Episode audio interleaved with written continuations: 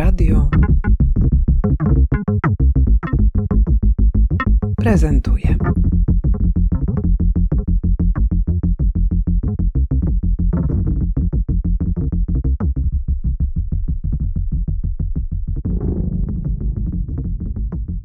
My jako NGOsy mieliśmy trochę taką rzeczywiście w Warszawie frustrację z tym związaną, że ta energia, która się dzieje dookoła, wymaga takiego wsparcia. I dlatego jak myśmy nawet nazwali to nasze miejsce Centrum Wsparcia Koordynacji, to nawet napisaliśmy, nie jesteśmy tu po to, żeby kogokolwiek koordynować, wręcz przeciwnie, wręcz prawie jesteśmy Centrum Antykoordynacji, a jeśli już koordynacji, to wzajemnej. Witek Chybanowski, szef Fundacji Na Przestrzeń i inicjator Centrum Wsparcia Koordynacji.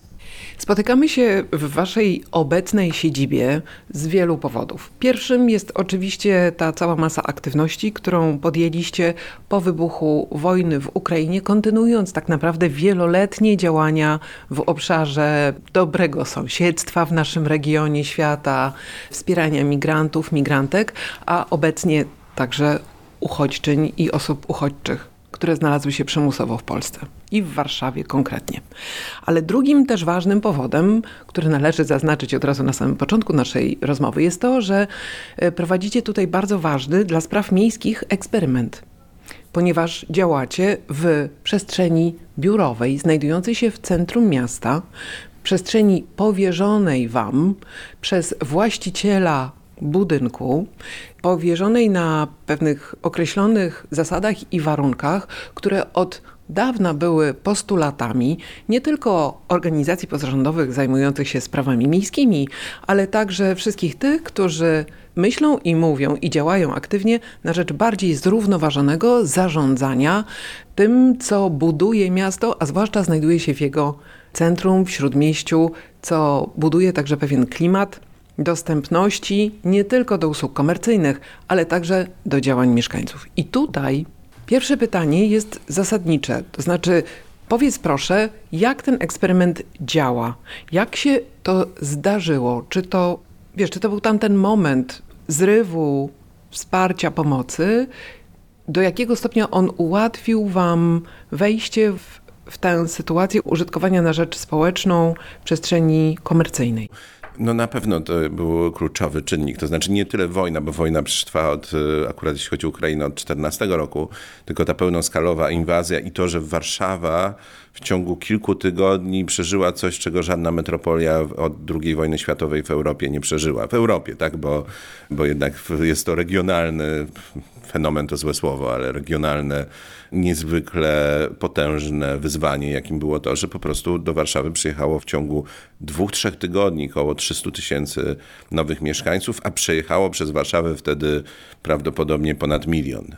I rzeczywiście, mimo że 15-16 lat właściwie działaliśmy w tym czasie już między innymi w Warszawie przede wszystkim w obszarze właśnie migracji, wspierania uchodźców, czy bardziej aktywnych uchodźców, uchodźczyń i migrantek, migrantów, to takie rzeczy, żeby na przykład Intel podarował 15 komputerów, czy w ogóle jakby takiego otwarcia biznesu też i jakby takiego pospolitego ruszenia rzeczywiście, ale bardzo dobrze zorganizowanego. Co więcej, czym bardziej ono było pospolite, często było bardziej jeszcze lepiej zorganizowane. Była grupa centrum, gdzie było tysiąc wolontariuszy i 70 koordynatorów w pewnym momencie.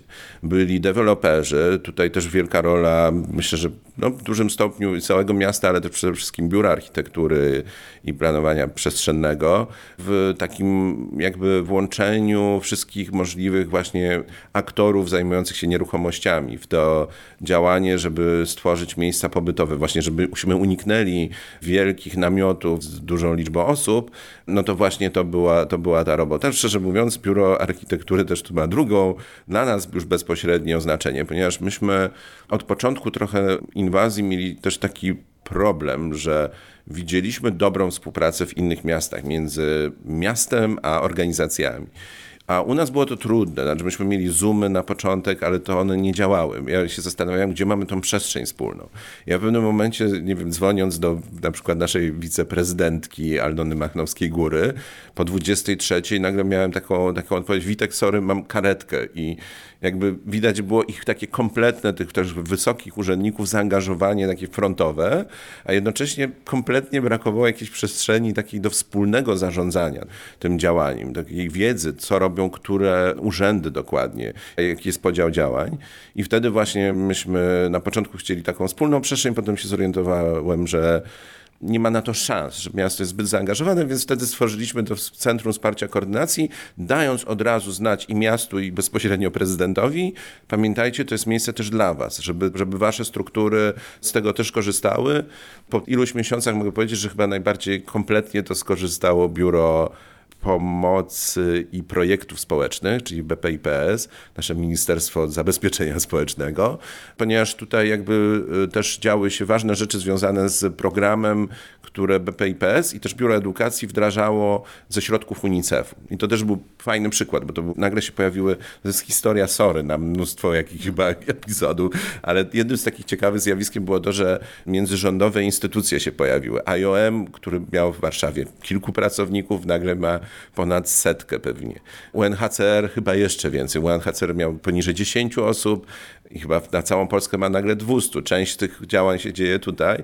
I rzeczywiście też obserwowaliśmy, jak te i międzyrządowe, międzynarodowe też organizacje, zagraniczne po prostu, które tu się pojawiają, zaczynają też tworzyć swoje jakby namioty takie, tak?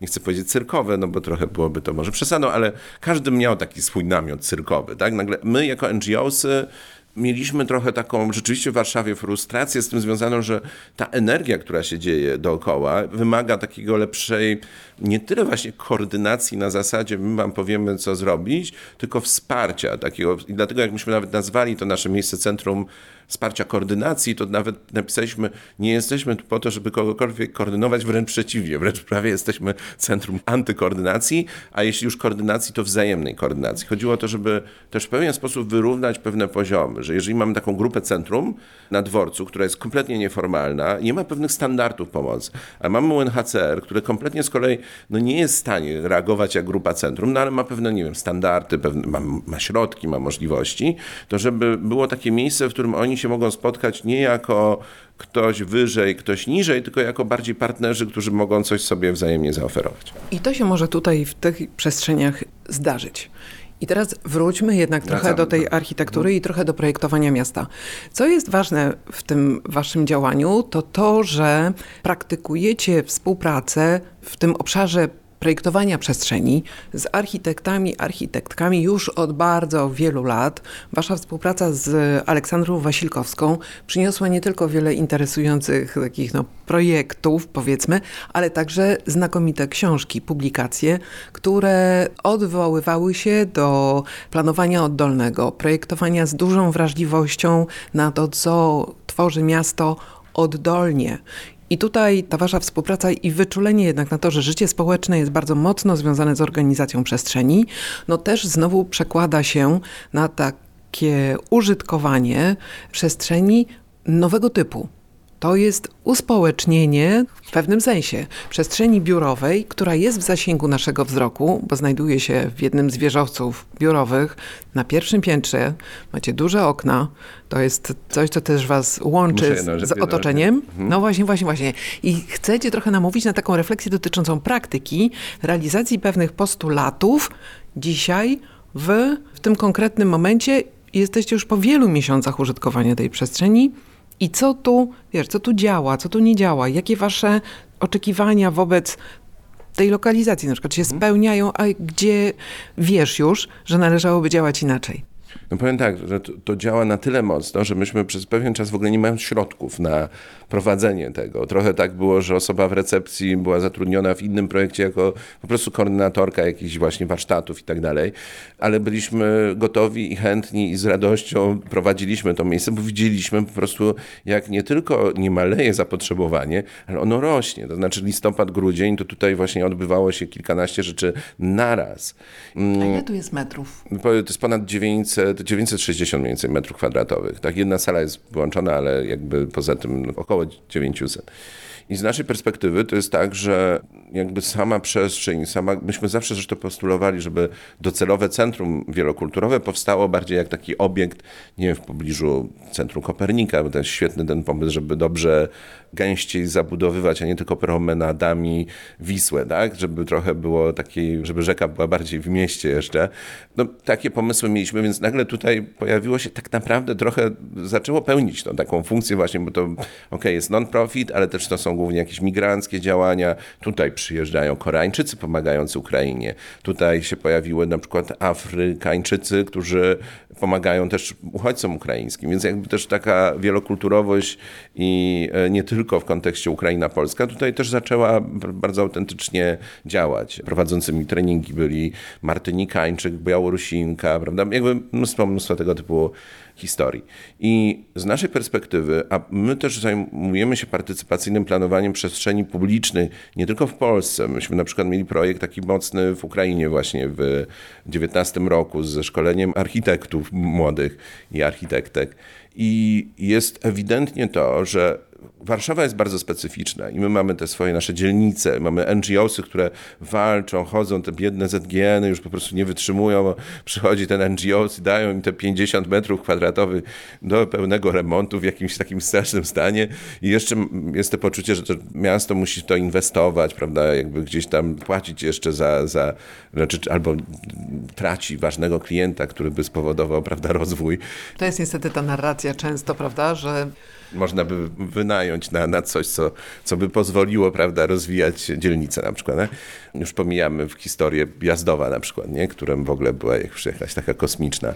Natomiast e, w tym wypadku to jest, to jest sytuacja, w której no, mamy do czynienia z mnóstwem teraz też inwestycji w biurowce, które mają często dużo przestrzeni nieużywanych, dla których samo to, że mają taką przestrzeń, może być powodem do tego, żeby ten, ten ich biurowiec się wyróżnił w ogóle na tle innych. To może mieć też jakąś, dawać im komercyjną przewagę. Nam się trochę nie udało, muszę przyznać, przekonać KIMO do takiej wizji współpracy. Myśmy nawet myśleli, żeby ok, żeby to było częściowo publiczne, non-profit, częściowo nie. Tutaj jednak jest w pewnym momencie no, potrzeba komercyjnego zarobku, dlatego my nie możemy sobie na to pozwolić. Nawet co więcej, nawet gdybyśmy mogli, to byśmy tego jednak nie widzimy takiej. Była taka trochę sytuacja, że KAIM było gotowe to przekazać jednemu z międzynarodowych partnerów, ale na postawkach jednak komercyjnych.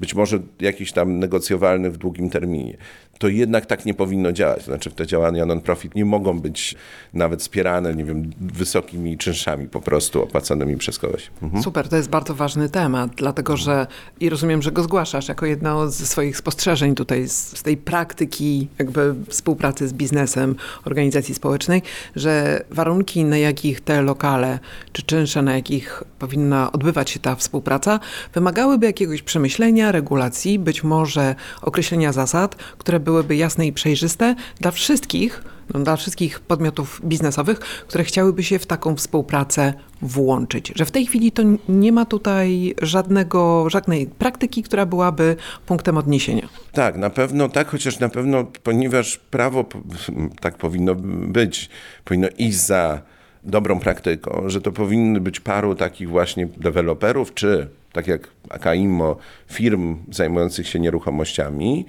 które po prostu zrobią ten pierwszy krok. Musi być jakiś dobry, dobry case, prawda? I na tej podstawie, bo znaczy my już jesteśmy jednym, tak jak powiedziałaś, eksperymentem. Od razu mogę powiedzieć tą wadą, bo mówiłem o faktycznie samych zaletach. Bo też na przykład jeszcze powiem więcej, jeszcze jedno jako zaletę. To może na przykład w ciągu dnia być nie wiem, 10 sal warsztatowych, biur dla hubowych lub też nawet zamkniętych dla iluś tam organizacji, a po południu wieczorem może się zmienić w taki będzmianowy multiplex, to znaczy, że to mogły być w dwóch salach, prawda, pokazy ciekawych filmów, robią imprezy, wydarzenia, akurat tu mniej koncerty może, ale wszystko inne, czyli w sensie to może działać też jako taki alternatywny dom kultury też, tak? I to nawet fajne w kontekście tego, że w przestrzeniach tego typu zwykle takich miejsc nie ma. Więc jakby jest to jakiś ogromny potencjał, ale dla nas na przykład kluczową wadą oczywiście jest długo terminowość. Znaczy, nawet tutaj będąc, nigdy nie mieliśmy perspektywy dłuższej niż 4 miesiące. Co oznacza, że nawet nie jesteśmy widoczni na zewnątrz w ogóle budynku, prawda? Nie mamy gdzieś żadnej plakietki, mamy ją widoczną mocno w środku, I to też jakby oznacza wiele innych rzeczy. Gdybyśmy wiedzieli na przykład, że jesteśmy gdzieś co najmniej na 5 lat na stabilnych warunkach, wcale nie mówię całkowicie bezpłatny, bo uważam, że to zdrowo, żeby jakiś nawet niewielki czynsz jednak był opłacany, bardziej symboliczny w kontekście takiego biznesu, no to wtedy na przykład moglibyśmy przenieść i wyposażyć tutaj studio radiowe i mi radia. I wtedy to miejsce by zyskało jeszcze najbardziej wielojęzyczne radio w Polsce. Ale nie możemy tego zrobić, ponieważ nie mając takiej gwarancji i pewności, taka przestrzeń no, jest jednak skazana na pewną tymczasowość. Więc naszym jakby głównym teraz pomysłem i celem jest, ok, zastanówmy się, kto co ma, tak, jakie są przestrzenie i jednak na zasadzie współpracy, a nie trochę takiego pozorowanego działania biznesu, który często, ok, to my jesteśmy otwarci, to musi być trochę też uszanowanie pewnej podmiotowości. Oczywiście warunkiem tego takiego mocnego wejścia i przekazania na przykład przestrzeni, być może nawet w formie przekazania właśnie, powinno być to, że ta przestrzeń zagwarantowana, że ona nie jest dla jednej na przykład organizacji, że ona właśnie ma te funkcje publiczne, że, że bardziej też nie tylko publiczne, ale też właśnie w takiej formie, że to jest też dla różnych podmiotów, tak? W sensie, że żeby nie jakby nie monopolizować też jakimiś pojedynczymi organizacjami tego typu przedsięwzięć, ale to powinno się stać powoli normą i być może trochę, chyba Berlin jest dobrym przykładem, w którym gdzieś tam jest takie założenie, że gdzieś jakaś przestrzeń nowa musi być, czy w ogóle jakby odzyskana dla miasta, musi mieć też tą 5-10% e, przestrzeni naprawdę społecznych i kulturalnych. Powiedz proszę, co po tym doświadczeniu, po tych miesiącach pracy tutaj, z czym wchodzicie w, w nowy rok? Jakiego rodzaju działania Waszym zdaniem są absolutnie niezbędne do tego, żeby ta inicjatywa koordynująca różnego rodzaju wysiłki, żeby ona nie straciła impetu? Ja powiem tak, to znaczy, żeby to mogło nie tylko nie stracić impetu, ale się rozwijać, jest potrzebna zmiana ze strony miasta. To znaczy, należałoby wciągnąć miasto, to znaczy my, my trochę taką próbą była ta konferencja, którą my bardziej w kontekście uchodźców, imigracji, ale nie wyłącznie, bo te tematy, nawet tutaj jak robiliśmy tą warszawską konferencję, no to mieliśmy i o edukację, i mieszkalnictwo, innego typu, no bardzo różne tematy. I teraz, żeby dokonać takiej zmiany i żeby na przykład te działania, które my robimy, miały taką długofalowy nie tylko sens, albo jakimś inspiracją, to w mieście musi się trochę zmienić. To znaczy miasto musi być dużo bardziej przygotowane do pracy wieloaktorowej. Zwróć uwagę, że jak były live'y prezydenta Trzaskowskiego, to one czasem były z jakąś organizacją pozarządową, ale na przykład nigdy nie były jakby wspólnie z organizacjami. I, I, akurat w tym kontekście mniej tych organizacji migranckich w ogóle się pojawiały. Raczej to był, prawda, nie wiem, PCPM, więc to też jakby to jest jakimś świadectwem tego, że coś straciliśmy, że mniej więcej kiedy była druga kadencja Hanny Gronkiewicz-Waltz i mieliśmy cały rząd warszawski się spotkał wyłącznie po to, stworzył zespół do spraw relokacji uchodźców, uchodźczyń, to bez problemu namówiliśmy wtedy i od razu udało się to zorganizować, taką konferencję, gdzie znowu brało udział tyle co podmiotów, co, co teraz w grudniu. Przy czym miasto było dużo bardziej zaangażowane. Jakby I ja duże nadzieje wiążę z naszą nową pełnomocniczką do spraw równego traktowania, już od pewnego czasu dyrektorką, koordynatorką, między innymi do spraw właśnie dialogu społecznego, ponieważ ona podziela nasze trochę też takie myślenie właśnie, że trzeba robić międzysektorowo, wieloaktorowo, tak planować i tak planować trochę politykę miejską do tego, żeby być gotowym, no jakby nie bać się tej współpracy z organizacjami, i raczej traktować się nie jako kogoś, jak ja mówię teraz o mieście, kto narzuca jakąś politykę czy narrację, ale która raczej jest takim hubem, właśnie takim przestrzenią do tego, gdzie właśnie pomaga w połączeniu biznesu z organizacjami. Pomaga w tym, żeby organizacje, które ciężko harują, pracują, miały stabilne i godne swojej pracy warunki rozwoju, ale jednocześnie nie zamykając się na, na tylko garstkę, czy grono, czy, czy nawet duże grupy organizacji, ale też będąc otwartym na te wszystkie nowe podmioty, bo to, co się wydarzyło w marcu, przede wszystkim w lutym, koniec lutego i marzec przede wszystkim w kontekście liczby różnych podmiotów angażujących się w przyjęcie uchodźców i uchodźczyń, powoduje, że trzeba zupełnie jakby zmienić też myślenie o takiej właśnie dialogu społecznym, wszystkie te rzeczy jak Rada Pożytku Publicznego i tak dalej, one muszą reagować. To nie mogą być takie ciała jak te komisje, to, to zawsze musi być prezydia, komisje i tak dalej, i tak dalej.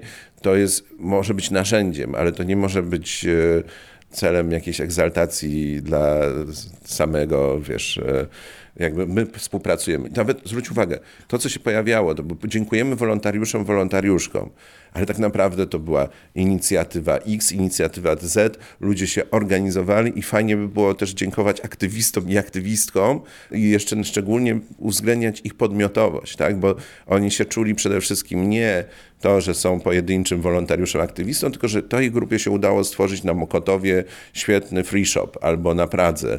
Ci współpracują z deweloperem, który oddał budynek i, i też bardzo ważny moment, to są dzielnice. Wreszcie musimy zacząć myśleć o rozwoju, także w kontekście, szczególnie można w kontekście właśnie tej różnorodności kulturowej i integracji uchodźców, uchodźczyń w samych dzielnicach. Nawet na Wołockiej 7, tam gdzie jest, nie wiem czy byłaś, tam jest ogromny taki mieszkaniowy hub, czyli punkt pobytowy, teraz prowadzony przez miasto, którym bardzo dużo jakby dzielnica Mokotów była zaangażowana ze swoim OPS-em w jego tworzenie. To ostatnio jak rozmawiałem z burmistrzem, to no, my nie, nie kojarzymy, co jest za tą dużą ulicą w tą stronę, co jest tutaj, a jakby ta sąsiedzka integracja jest kluczowa w kontekście szczególnie takich punktów pobytowych, gdzie jakby wiedza, kto gdzie mieszka, jakie są instytucje inne i taka pełna współpraca i budowanie trochę takiego umiejętność zaproszenia sąsiadów nawet na wydarzenie, nie? To są jakieś takie rzeczy, które, które świadczą o takiej prawdziwej tkance miasta. I w tej chwili jakby nie mam poczucia, że, że decydenci w mieście sobie z tego zdają sprawę, nie? Że jakby mam taki, jakby też takie poczucie, że po prostu urząd się stał zbyt zarządzany taką tradycyjną piramidą władzy. Na górze jest tak prawda, prezydent, potem wiceprezydenci, potem dyrektorzy, potem naczelnicy i tak dalej, i tak dalej żeby to zaczęło grać tak naprawdę autentycznie, to nie wyjdzie, jeżeli to się nie odwróci kompletnie. To znaczy, rektor wspiera swoich naczelników, naczelniczki wspierają swoje pracowniczki, pracowników i tak dalej, i tak dalej. No ale to jest jakby trochę, niby, niby to jest temat obok, ale tak naprawdę to by było, nawet z naszej perspektywy, żebyśmy, nie wiem, wspólnie z Benzmianą zrobili konfę na temat tego, w jaki sposób taki biznes włączyć, to tak powinno być, bo wtedy byśmy biura architektury nam powiedziała, dobra, to bierzemy z biura tego z CKS-u tą osobę, tą osobę i robimy. Nie czekamy na to, żeby ktoś tam, prawda, musiał sobie odhaczyć na swoim profilu, że miasto w tym bierze udział. Okej, okay, to też przyjdzie z czasem. Miasto będzie miało z tego i tak wielką frajdę i świetny PR, jeżeli to wyjdzie, dojdzie do skutku, ale jakby to, to powinno w ten sposób wyglądać. Na zakończenie takie pytanie, które jest właściwie oczywiste. Po Waszych doświadczeniach, Twoje porady dotyczące pustostanów w przestrzeniach biurowych. Czy gdybyś w trybie partycypacyjnym był zaproszony jako Witek Hebanowski, już nawet nie osoba, która zarządza wieloma mm, inicjatywami, organizacją bardzo dużą, gdybyś miał wyrazić swoje postulaty dotyczące stworzenia takiej regulacji, dobrych praktyk, co dla ciebie byłoby najważniejsze?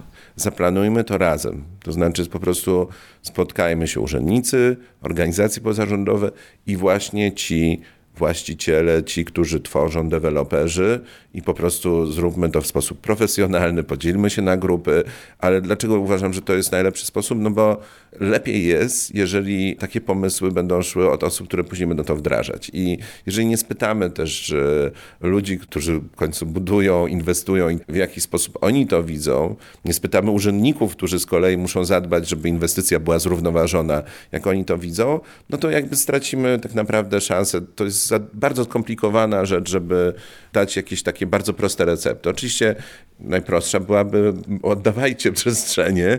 Wiemy, że Biuro Architektury, na przykład główna architektka Warszawy podziękowała naszemu KAIMO za, za tą przestrzeń, ale to oczywiście powinno być bardzo systemowe, zorganizowane na zasadzie partnerskiej, która też będzie po prostu bardziej przyjazna i będzie w tym mniej frustracji. Na pewno drugą rzeczą jeszcze jest taką może, żeby ustalić pewne kryteria, co to znaczy taka przestrzeń publiczna, żeby to nie było tak jak, nie wiem, niektóre organizacje pozarządowe, które posiadają ogromne budynki, na przykład przy samej Wiśle, nie wiemy skąd to się bierze, jak to działa, więc pewna transparentność, pewne zasady takie otwarte, ale jednocześnie pokazujące, ok, mamy tą przestrzeń, zarządzamy tą przestrzenią, ale ona jest dla was wszystkich, a nie tylko dla jednej czy dwóch organizacji. To nie znaczy, że one nie mają być sprofilowane. My na przykład chętnie robimy działania, które są jednak przede wszystkim sprofilowane na międzykulturowość, na migrację, na pewną międzynarodowość w tym kontekście, ale tak naprawdę poza tym to zasady powinny być właśnie maksymalnie inkluzywne,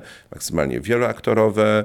Myślę, że bardzo ważnym jest też, żeby w takich przestrzeniach była zawsze duża doza kultury, dlatego że tak naprawdę kultura w dużym stopniu jest też takim katalizatorem dla wszystkich innych zmian społecznych. No więc tak, mamy mniej więcej 10 pokoi takich do pracy o różnym charakterze. Większość z nich jest dość spora, więc służą zarówno jako miejsca spotkań, pracy przy biurku, takie trochę właśnie przestrzenie hubowe dla organizacji, także dla aktywistek ukraińskich, bo też jakby zidentyfikowaliśmy sobie istotną grupę docelową, jaką są w ogóle organizacje ukraińskie na uchodźstwie a poza tym y, służą też do takich na przykład warsztatów, które fachowo można nazwać wieloaktorowe i międzysektorowe. To znaczy zrobiliśmy tutaj już trzy takie większe konferencje. Pierwsza była warszawskie dzielnice dla uchodźczyń i uchodźców, druga była sam głos migrantek, głos uchodźczyń, organizowana przez dziewczyny, uchodźczynie, głównie imigrantki z Ukrainy i nie tylko. A ostatnia była wreszcie po sześciu latach przerwy zrobiliśmy warszawskie planowanie e, w obszarze integracja, migracje i też te, we wszystkich nich brały tam dziesiątki różnych podmiotów. Nie? I do tego potrzebne było to, żeby, bo nie lubimy konferencji, nie nazywamy ich wprawdzie antykonferencjami, ale robimy to w takiej formie, nazywamy je grobocze, czyli robimy po prostu maksymalnie krótki briefing, podział na salę, na tematyczne grupy, gdzie wreszcie urzędnicy z pozarządówką na przykład, ale nie tylko, z różnymi innymi ekspertami z instytucji kultury na przykład, czy z międzynarodowych, międzyrządowych, siadają razem, planują, rozmawiają o problemie, diagnozują problemy i planują rozwiązania. Fajnie. Dobrze, to bardzo Ci dziękuję i w takim razie idę do Iriny. Dzień dobry, nazywam się Irina Kucak, jestem koordynatorką Centrum Wsparcia Koordynacji. Dobrze, powiedz prawdę, co tu się dzieje? Obecnie mamy bardzo dużo zajęć językowych z języka polskiego, angielskiego. Będą też e, speaking cluby z polskiego języka. Tak e, naprawdę mamy raz, dwa, trzy, cztery grupy z języka polskiego, aż jakby od różnych projektów, które tak w ciągu tygodnia mm, trzy albo pięć razy się powtarzają. Więc dużo tego. Też mamy psychologów z IOM, które konsultują tutaj w ciągu tygodnia. Również e, mamy teatralne zajęcia dwa razy na tydzień oraz e, zaczynamy od tego tygodnia robić warsztaty piątkowe, zrobienie świec okopowych. No właśnie, bo tutaj Witek mi już Żeby nie było że... zbyt edukacyjne. Tak, no że było tak. dużo różnych aktywności, były też siatki. Mhm. Tak, były siatki faktycznie, bardzo długo. Tam naprawdę dużo osób do tego się dołączyło i dużo osób udawało się zbierać, tak? I tak, bo sami właśnie, to jeszcze powiedzmy, co to są te siatki, bo może niektórzy e, Siatki wiedzą. maskujące, takie, których się używa, żeby ukryć się gdzieś na froncie, tak?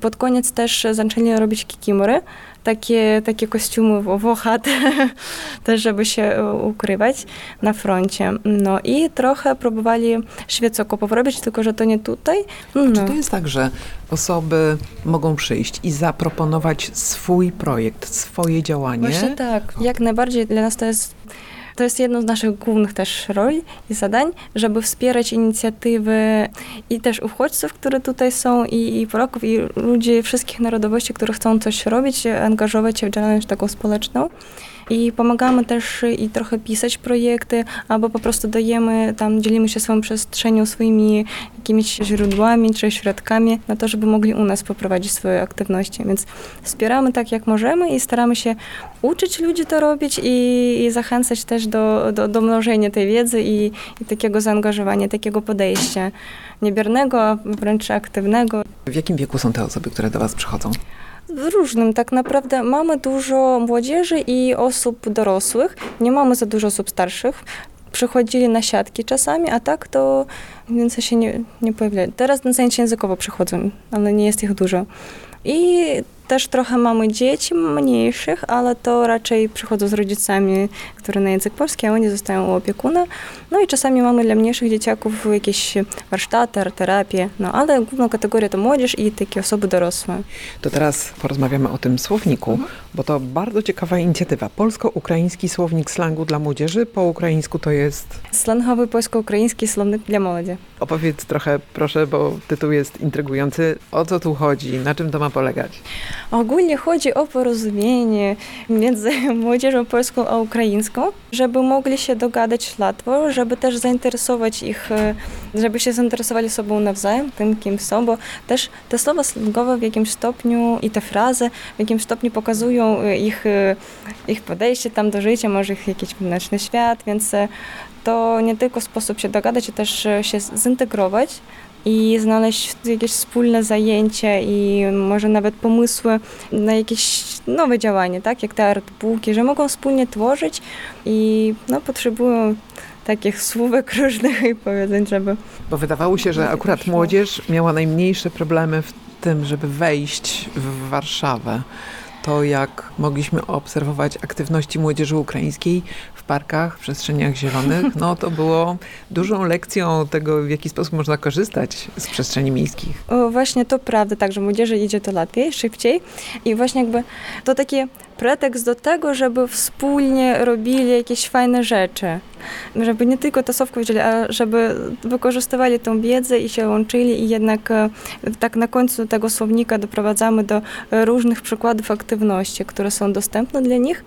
Więc e, faktycznie dobrze im już idzie, idzie młodzieży taka integracja, ale trzeba jednak ich e, kierować, żeby to szło w dobrą stronę, tak? No Żeby tak, i żeby jednak, podawać użyteczne na przykład tak. informacje. Tak. Trochę Bo sami e, faktycznie tak wchłaniają w całą informację, co jest dookoła i też jakieś przykłady tego, co się dzieje.